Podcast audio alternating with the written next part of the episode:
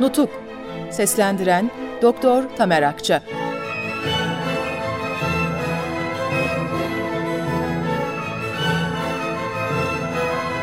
13. Bölüm Mersinli Cemal Paşa'nın İstanbul'a gitmesi. Gerçekten Konya'da bulunan 2. Ordu Müfettişi Cemal Paşa'nın 10 gün için izinli olarak İstanbul'a gittiğini 4 gün önce öğrenmiş ve hayret etmiştim. Cemal Paşa ile Samsun'a çıktığım günden beri milli davayı gerçekleştirmek için işbirliği yapmak, askeri ve milli hazırlıklara girişmek ve teşkilat kurmak konularında haberleşmelerimiz vardı. Kendisinden ümit verici olumlu cevaplar almıştım.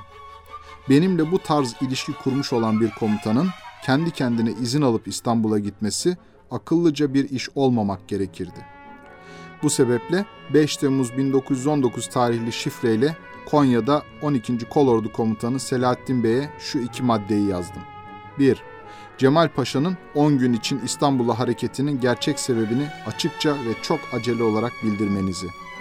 2. Zat halinizin hiçbir sebep ve şekilde oradaki birliklerin başından ayrılmanız doğru değildir.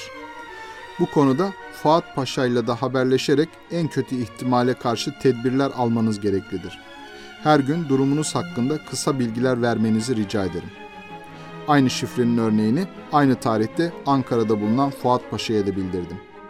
Selahattin Bey'in Konya'dan 6-7 Temmuz tarihinde yani Refik Halit Bey'in Konya valisi Cemal Bey ile telgraf başında konuştuğu sırada cevap olarak verdiği şifreli telgrafta Cemal Paşa İstanbul'da bazı kimselerle temas etmek ve ailesiyle görüşmek üzere 10 gün için ve kendi isteğiyle izinli olarak İstanbul'a gitmiştir denilmekteydi.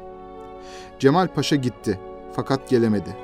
Kendisini çok zaman sonra Ali Rıza Paşa kabinesinde Harbiye Nazırı olarak göreceğiz. Maalesef bu durumun tanığı olan ve kendisine birliklerinin başından ayrılmaması tavsiye edilen Selahattin Bey'in de bir süre sonra İstanbul'a gittiğini öğrendik. Cemal Paşa'nın gösterdiği bu kötü örnek üzerine 7 Temmuz 1919 tarihinde şu genel bildiriyi gönderdim. 1 bağımsızlığımızı korumak uğrunda kurulmuş ve teşkilatlanmış olan milli kuvvetlere hiçbir şekilde müdahale ve saldırıda bulunulamaz. Devlet ve milletin mukadderatında milli irade söz sahibi ve hakimdir. Ordu bu milli iradeye bağlı ve onun hizmetindedir. 2. Müfettiş ve komutanlar herhangi bir sebeple komutadan uzaklaştırıldıkları takdirde yerlerini alacak kimseler işbirliği yapılacak niteliklere sahipseler komutayı onlara bırakacaklar ancak kendileri de yetki bölgelerinde kalarak milli görevlerini yapmaya devam edeceklerdir. Aksi takdirde yani bir ikinci İzmir olayına yol açabilecek kimselerin tayini halinde komuta asla bırakılmayacak, bütün müfettiş ve komutanlarca kendilerine güvenilmediği gerekçesiyle yapılan tayin reddedilecek ve kabul edilmeyecektir.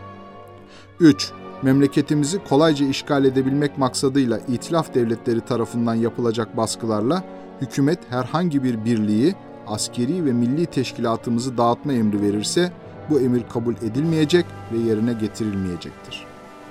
4. Hedef ve gayesi milli bağımsızlığı kurtarmak olan müdafaa-i hukuku milliye ve reddi ilhak cemiyetlerinin ve teşebbüslerinin gerileme ve başarısızlığa yol açacak herhangi bir etki ve müdahaleyi ordu kesinlikle önleyecektir. 5. Devlet ve milletin bağımsızlığını kurtarma gayesinde devletin bütün sivil memurları müdafaa-i hukuki milliye ve reddi ilhak cemiyetlerinin ordu gibi yasal yardımcılarıdır. 6.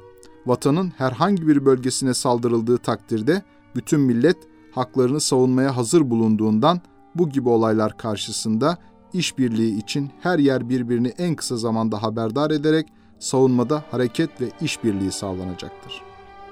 Bu bildiri Anadolu ve Rumeli'de bulunan bütün ordu ve kolordu komutanlarıyla diğer ilgililere gönderilmiştir.